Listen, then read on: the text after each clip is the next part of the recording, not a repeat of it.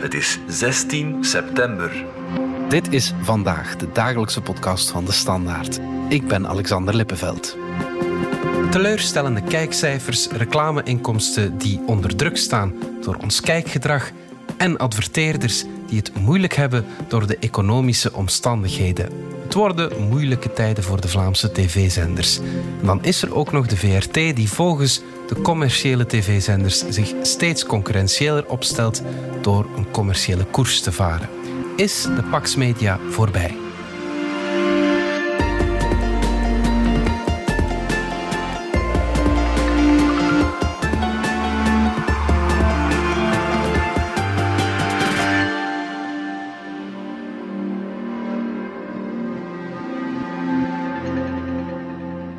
Valerie Droeven van onze cultuurredactie. Jij volgt de mediasector voor onze krant. Het nieuwe tv-seizoen is weer begonnen.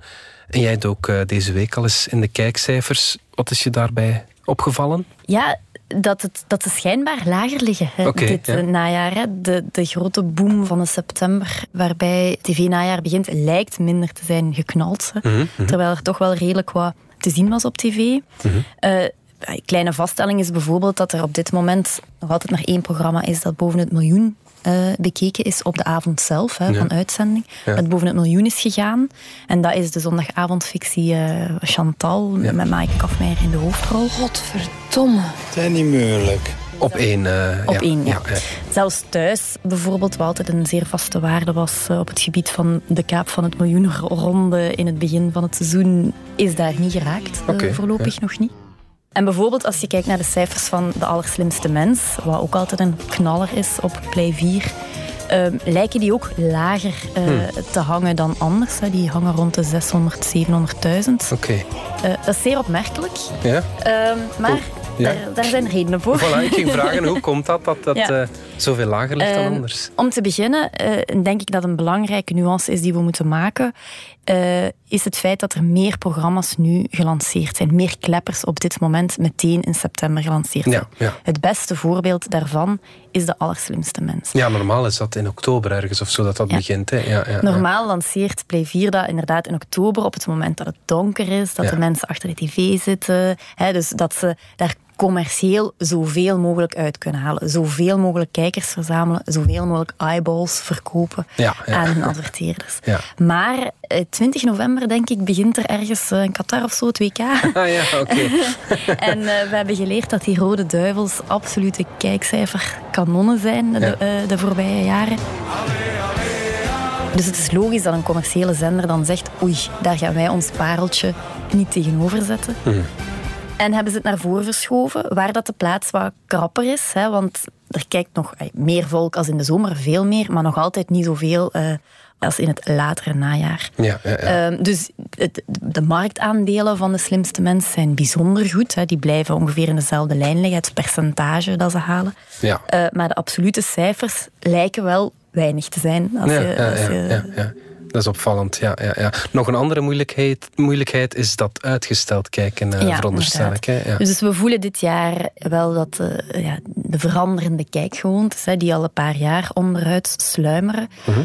Het is waar dat eh, de zenders al maar meer, eh daarmee dat kijkcijfers analyseren, ook echt stilaan hogere eh, wiskunde, fysica begint te worden. Moeilijk voor journalisten, hè. Zeer moeilijk als Ja. het met cijfertjes te maken heeft. Ja. Maar vroeger keek je gewoon naar de cijfers op het moment van uitzending en da- Ja. dat werd vergeleken met elkaar en dat was duidelijk. Maar ondertussen zijn de zenders al maar meer overgestapt op het ehm, zelfs tot zeven dagen na uitzending tellen van de Ah kijkcijfers. ja, oké. ja, ja. Omdat ze zien dat die ook relevant blijven, dat daar ook nog echt grote... Dat het al een substantieel deel is van eh, Ja. de totale koek, eh, zeg maar. Ja, er wordt minder lineair eh, gekeken, zo heet dat dan. Hè, en niet op het moment van uitzending. Ehm, is daar, ja, hebben we daarin een soort van tipping point bereikt om het dan met een duur wordt te zeggen? Het is moeilijk om te zeggen dat er minder lineair gekeken wordt, om dat nu al te zeggen. Maar dat de, de kijkgewoontes veranderen. Mhm. Eh, ik ben er echt van overtuigd dat dit najaar daar een tipping point bereikt is of wordt. Mhm. Ehm, en ik ben daar trouwens denk ik niet alleen in.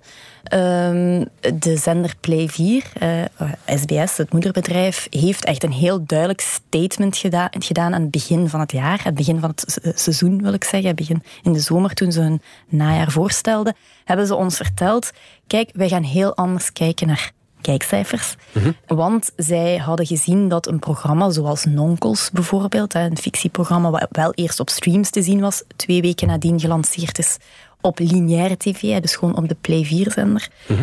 En daar, als je gewoon de cijfers van de dag zelf bekeek, matig tot zelfs slecht scoorde. Uh, dus 120, allee, 200 misschien is af en toe, maar geen bijzonder goede kijkcijfers. Maar als je naar de cijfers een week nadien keek, mhm. dan, zat, dan zat het programma al boven het miljoen. Oké, ja. Dus um, Play 4 stelde daaruit vast, eigenlijk is dat programma zelfs bij ons een succes. Okay. VTM heeft dan redelijk snel wel geluwd van bij ons is het zo erg nog niet. De verhouding is uh, bij 60-40 nog, 40-60.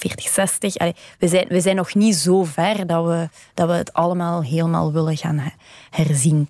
maar bijvoorbeeld Blind Getrouwd uh, scoort echt ondermaats op de dag zelf bijvoorbeeld. Oké. Nu begint het wel uh, spannend te worden. Zij zaten meestal kijkcijfers rond de 800.000, 600.000 op de avond zelf. Nu, ik heb net naar die van maandag nog eens gekeken. Ik denk zelfs al onder de 400 juist. Oké. Okay. Beginnen zo echt te bibberen op je benen.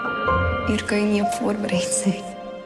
Maar we zien wel um, dat in uitgesteld kijken, als we een week wachten, eh, met de reruns erbij, dat dat programma ook toch groeit tot 800.000. Eh, dus dat dat ook, wat dan wel heel goed is. Wat oké is. En, en, maar dat is een heel andere realiteit. Een realiteit waar adverteerders nog in mee moeten gaan voor, de, voor de commerciële zenders. Dus je voelt wel zo'n aardverschuiving onder de oppervlakte borrelen. Zo. Maar voorlopig wordt er nog niet luid op geroepen. We zijn heel benieuwd uh, welke richting dat dit uh, najaar gaat uitgaan. Ja, oké, want het is voor die uh, reclameinkomsten, voor die commerciële zenders wel geen goed nieuws. Hè? Hoe, hoe zit dat juist in elkaar? Het is logisch dat een programma dat goed scoort, dat adverteerders daar meer voor betalen. Hè? Dat, mm. En dat adverteerders het liefst live een spotje willen laten zien. Mm Ook omdat je tot voor kort reclame wel kon doorspoelen als je bijvoorbeeld opnam. Of als je eh, uitgesteld keek, kon je bij Play 4 de reclame eh, doorspoelen. Bij VTM was dat al niet meer het geval. Mhm. Dat is aan het veranderen ondertussen. Hè. De providers, gelijk Telenet, hebben een overeenkomst met de zenders daarover dat je reclame niet meer of veel moeilijker gaat kunnen doorspoelen als je uitgesteld kijkt, als je opneemt. Ja. We hebben die situatie, hè, dat veranderend kijkgedrag, dat een hele cascade en gevolgen voor die, voor die commerciële zenders of voor de VRT veroorzaken. Mhm. Maar dat gebeurt eigenlijk allemaal op een moment dat iedereen weet het, het de economie uh, niet... Uh, het moeilijk heeft, het moeilijk heeft, om het zo inderdaad. Ja, ja, zachtjes uit te drukken. En voorlopig zitten de uh, commerciële zenders nog wel safe, want die hebben meestal wel jaarcontracten. Maar uh, de voorspelling is wel dat uh, eens het januari is, dat, dat misschien adverteerders moeilijker zullen adverteren. Uh, tegelijkertijd zitten zij ook net als alle andere bedrijven met groeiende loonkosten en andere kosten. Mm Dus ze zitten eigenlijk ja, misschien wel in een perfecte storm op dit moment. Hè. Ze hebben het ja. moeilijk en wat dat effect daarvan is, kunnen we niet voorspellen. Maar we weten wel dat dat gaat gebeuren. Tegelijkertijd, en daar kennen we het effect ook helemaal nog niet van, hebben heel wat streamers, hè, streamingdiensten, internationale streamingdiensten, aangekondigd dat ze ook op de reclamemarkt gaan komen. Hè. Okay, Disney ja. heeft het aangekondigd, Netflix heeft het aangekondigd. Dus dat er daar ook misschien wel een soort van concurrentie kan ontstaan met uh, de gewone Vlaamse zenders, zeker op hun digitale platformen. En alsof dat nog niet uh, genoeg is voor die commerciële zenders, dan, dan uh, komt de, de, VRT daar nog bij, die ook wat commerciëler gericht lijkt uh, te zijn tegenwoordig. Uh, en misschien wel de concurrentie aangaat. Uh, waar het moet die commerciëlere koers van de VRT, hoe zien we dat? Um, ik heb een week geleden daar een artikel over geschreven. In mijn stuk was het duidelijk dat de zenders daar zich aan ergerden. Zij stelden dat vast. Mm -hmm.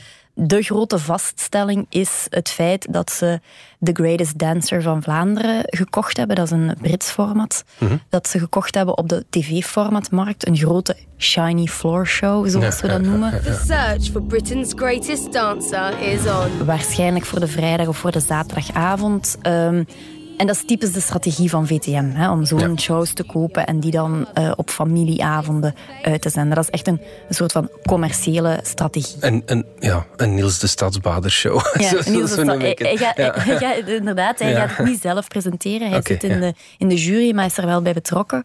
Maar het feit dat ze inderdaad vorige zomer Niels de Stadsbader hebben overgekocht, de showman, de man van de Shiny Floors zegt ook wel iets over de richting die ze op dit moment bij de VRT heel belangrijk vinden. Ja. Konijn, wie ben jij? Hoe echt? Dat ze dan ook nog die show aankopen hè, en niet zelf ontwikkelen, dat stuit extra voor de borst. Want okay. uh, die tv-formatmarkt is al heel krap bezet. Al die grote shows zitten eigenlijk al in de portefeuille van de commerciële zenders. Mhm. Toen ik daarop rondbelde, had ik toch verschillende bronnen die mij bevestigden dat de VRT een poging zou gedaan hebben om te kijken of The Voice uh, een optie was. The Voice van Vlaanderen, okay. wat al jarenlang ja, echt een VTM-format is. Bij VTM ja, zit. Een van de vlaggenschepen van VTM ja, zelfs. Inderdaad, ja, ja. Dus je begrijpt wel waar dat die ergernis vandaan komt. Ja.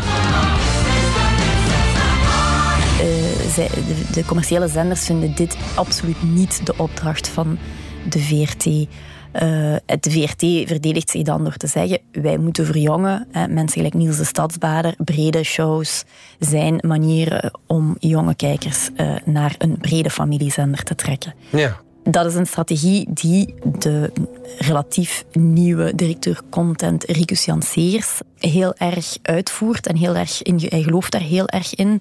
Ricus Janseers is ook iemand die gepokt en gemazeld is in um, de commerciële zenders en is nu eigenlijk de eerste grote belangrijke personeelswissel die de relatief nieuwe CEO Frederik de Laplace gedaan heeft toen hij daar aangesteld werd. Wat ook al in de sector gezien werd als oké, we weten wat de koers is of we vermoeden wat de koers is die ze zullen gaan volgen, namelijk in iets, ja, we noemen dat dan commerciële koers. Volgens Anne Rijdant, gewezen netmanager van eh, VTM, is het niet de taak van de VRT om buitenlandse formats aan te kopen en te bewerken. Het is nooit een gewoonte geweest van de VRT om buitenlandse formats te kopen. Uh, er zijn wel een, een, paar voorbeelden geweest waar er iets ontwikkeld werd in uh, Vlaanderen dat er een beetje tegen aanschurkte. Hè, zoals uh, steracteur, sterartiest bijvoorbeeld. Ligt niet zo ver van een, een Brits format van de BBC. Maar over het algemeen, dat gebeurde gewoon niet. dat was de markt die eigenlijk voorbouwde werd voor de, voor de commerciële zenders. Die buitenlandse formats die zijn nog duur, hè? maar je hebt natuurlijk geen ontwikkelingskosten die je moet betalen.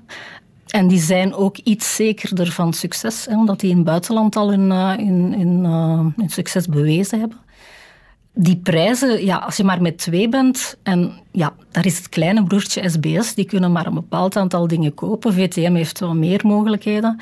Als daar nu een derde grote speler met veel middelen bij komt, dan wordt dat eigenlijk een opbodmarkt. En dat is heel negatief, want dan gaat alles meer kosten, zonder dat de kwaliteit daarvoor vooruit gaat. En het wordt ook niet geïnvesteerd bij ons. Volgens Rijdant moet de openbare omroep zich meer bezighouden met de ontwikkeling van reeksen van eigen bodem. Het is zo dat eigen ontwikkeling natuurlijk een pak meer kost en veel risicovoller is dan, uh, dan iets kopen uit het buitenland en dan bewerken uh, voor onze markt. Dus vandaar dat dat uh, eigenlijk iets is wat de commerciële zenders niet fulltime kunnen doen. En de VRT heeft daar eigenlijk wel de middelen voor. Ik vind dat ook een opdracht is van een zender die toch met belastinggeld voor een, een groot deel betaald wordt, dat die uh, de markt ook stimuleert en ons imago verbetert. Uh, producten ontwikkelt die we dan naar het buitenland kunnen verkopen en eigenlijk op die manier uh, echt eh, aan de wieg staan van een, een, een, uitstraling voor Vlaanderen. Valerie, de VRT heeft natuurlijk een wettelijk kader waarin ze mag opereren. Overschrijden ze grenzen met die aankoop van buitenlandse reeksen? Dat is eigenlijk, daar staat helemaal niks over in. Hè. Dat contract heet de beheersovereenkomst, mhm. waar die dingen in vastgelegd zijn. Dat, dat, die beheersovereenkomst verbiedt hun dat totaal niet. Hè. dus ze mogen dit absoluut doen. Eigenlijk kan niemand hen hier iets in kwalijk nemen. Maar er is ook wat we noemen de Pax Media. Dat is mhm. een, een, een overeenkomst, zogezegd, die altijd onder spanning gestaan heeft tussen alle Vlaamse zenders. We gaan elkaar niet te hard uh, beconcurreren, want dan beconcurreren we elkaar dood. En daar heeft niemand iets aan, dat is het idee erachter. Mhm. En dat is wat de commerciële zenders zeggen. Zij zeggen, hier, nu is de VRT er wel aan aan het morrelen, aan dat principe. Wij zijn eigenlijk op dit moment niet zo tevreden over hoe ver ze op ons terrein komen. Ja. In die beheersovereenkomst, dat contract tussen de openbare omroep en de overheid, krijgt de VRT ook de opdracht om het ecosysteem, het media-ecosysteem, samen met de andere spelers sterk te houden. Um, en dat is de clausule waar dat de commerciële zenders zich met hun kritiek op beroepen. Zij vinden dit gedrag, dit concurrentiële, commerciële gedrag van de VRT absoluut niet marktversterkend. We gaan er even uit voor, geloof het of niet, reclame. De dagelijkse routine kan je batterij doen leeglopen. Maar voel je dat? De energie die je krijgt van een intrigerende expo of een stormend concert. De Standaard opent het cultuurseizoen met accu en deelt 16 dagen lang gratis cultuurtickets uit voor de boeiendste cultuurhuizen. Laat jezelf op met de beste concerten, dans en theater, tentoonstellingen en nightlife van het moment. Krijg je gratis cultuurtickets nu in DS Nieuws, de nieuwsapp van de Standaard. Met de steun van de all Mazda CX-60, de eerste plug-in hybride van Mazda. Valerie, terug naar ons televisiescherm dan. De VRT moet heel zwaar besparen. Thuis wordt bijvoorbeeld uh, niet meer intern gemaakt, wat jarenlang wel zo was. Kadert heel die strategie of die verandering van strategie daarin als een soort van tegenbeweging? Je zou dat zo kunnen zien, mhm. maar belangrijk is dat de VRT moet besparen. En niet alleen besparen, ze hebben een transformatieplan ontwikkeld waarbij dat ze digitaler moeten denken en, en zich moeten klaarmaken voor de toekomst, heet dat dan. uh, maar dat wil zeggen meer besparingen en investeringen tegelijkertijd. En je ziet, als je de beheersovereenkomst bekijkt, dat ze een lagere dotatie krijgen van de overheid. Maar dat ze eigenlijk iets meer uit, het, uh, uit de markt mogen, mogen halen aan reclameinkomsten. Hè. Dus toch wel opvallend dat de VRT heel weinig tot geen beperkingen opgelegd krijgt als het gaat over online advertenties op hun platformen. Okay. Ze hebben een algemeen reclameplafond, ja, maar wat dat, hoe, hoe ze dat verdelen en wat dat ze precies online doen, daar, daar zijn geen beperkingen op. Ja. Dus eh, wat we dan bijvoorbeeld zien is dat... Um, collega Dominique Dijkmijn heeft uh, eh, VRT Max gerecenseerd uh, twee weken geleden. Het gratis streamingplatform van de VRT is dat eigenlijk. En een van de vaststellingen die hij daar deed was dat bijvoorbeeld VTM op VTM Go, ja, zijn gratis streamingplatform, geen reclame uh, toonde, geen pre-rolls noemt dat, toonde voor je de livestream bekijkt. Bij de VRT is er wel reclame te zien. Dus hij kreeg op dat moment wel een paar pre-rolls te zien, vooraleer hij toen op dat moment zelfs naar het nieuws wou kijken, wat toch een beetje raar is voor een openbare omroep, want de regel is eigenlijk geen reclame voor nieuwsuitzendingen. Ja. Dus je, je merkt daar dat ze toch ergens al een stapje verder gaan dan VTM Go in, in, in de manier waarop dat ze dat doen. Verschillende mensen ook achter de schermen toen ik rondbelde, wezen mij daarop dat dat uh, toch opvallend is. Dat en gaat dat, dan, gaat dat dan te ver? Of, of, of? het mag. Er, er is geen enkele beperking die daar uh, opgelegd is. Ja. Uh, dus Ze, ze, overtreden nergens de wet. Dat wordt, ze zijn niet, het zijn geen graaiers, dat wordt hier helemaal niet gezegd. Nee, nee, ja. Maar het gaat erom dat ze zich concurrentiëler opstellen naar de commerciële zenders en ook commerciëler denken in hun programmering. Ja, op een van die eerste programma's op VRT Max was heel wat kritiek. Fire, eh, die documentaire over jonge mensen die heel snel rijk willen worden om dan vroeg op pensioen te kunnen. Daar was heel wat commotie rond. Niet alleen omdat er een oplichter in te zien zou zijn, maar ook over de manier waarop het gemaakt en gebracht was. En dat het programma niet zou stroken met de opdracht van de VRT, zeg maar. Ook weer daar kan over gediscussieerd worden. Er is ook geen, geen, enkele regel die zegt dat ze dit niet hadden mogen maken. Maar Dora Gaans, de VRT zoals wij die kennen, uh, zou hier secuurder mee omgegaan zijn. Mm. Uh, nu blijken er echt oplichters in te zitten. Uh, het feit dat daar geen enkel belletje is gaan rinkelen, niet bij de makers, hè, een extern productiehuis, maar ook niet achteraf bij de VRT, die toch een soort kwaliteitscontrole doet vooraleer dat ze dingen uitzenden. Ja, ja. ja wijst er volgens sommigen op dat de VRT gewoon dit programma als clickbait wou gebruiken om zijn VRT Max, zijn nieuwe streamingdienst, mee te lanceren. Eh, als je dan hoort dat dat echt oplichters zijn, dan kan je je toch wel vragen stellen bij de manier waarop dit uh, tot stand gekomen is en hoe het uitgezonden is. Mhm. Maar hoewel de VRT achter het programma zegt te blijven staan, ja, hebben ze het wel ondertussen offline gehaald. Dus dat zegt ook wel iets. Mm Luisteren nog eens wat Anne Rijdant, gewezen netmanager van VTM, te vertellen heeft over wat de VRT volgens haar dan wel zou moeten doen.